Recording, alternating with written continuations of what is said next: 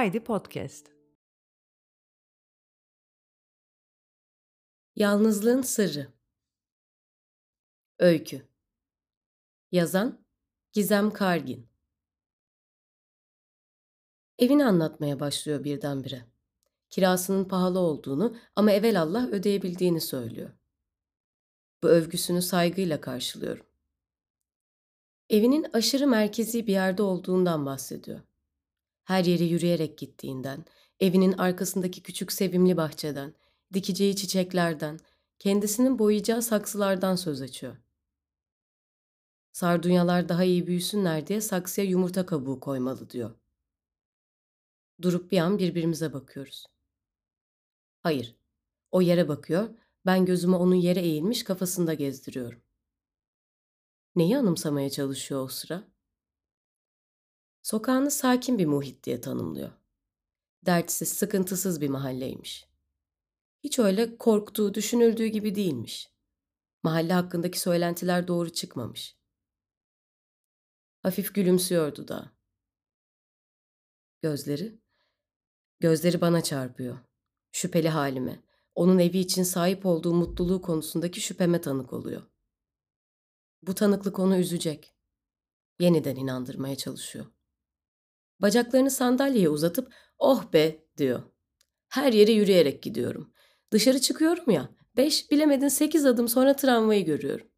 Caddeye çıkarken köşede bir fırın var ki öf ben hayatımda böyle tatlı poğaça yemedim. Bugün de erkenden geldim işte okula. İnsanın evi yakın olunca böyle zamansal talihsizlikler oluyor tabii. Keyifleniyor. Bu hayattaki en büyük şansı yalnız başına yaşamakmış. Oysa yalnızlık insan olmanın çocuk vaktinden beri seçili verilmez kimseye. Geceleri ay ışığını izlemek üzere bahçeye çıktığında guguk kuşları sarıyormuş etrafını.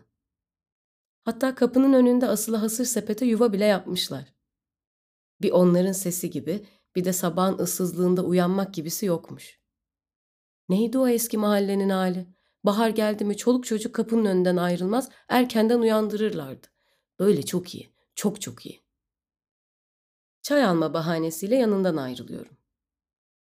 Yürürken okulun bahçesiyle kantin arasında düşünmem için uzun bir zaman dilimi oluşuyor.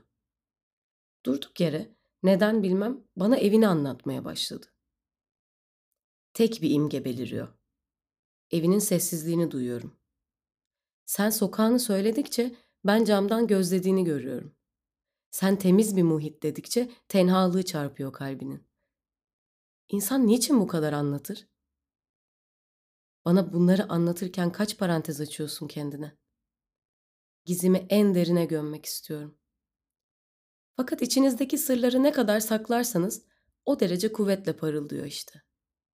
Işığı gözüme alıyor gizlerinizin. Gittikçe griye çalan yaşamımızı böyle ışıklı masallar anlatıp aydınlatmaya çalışsak da rüya çok çabuk bitiyor. Hepsi yüzünde okunuyor. İnsan en çok kendini açıklayamazsa bir başkasına bu denli anlatıyor.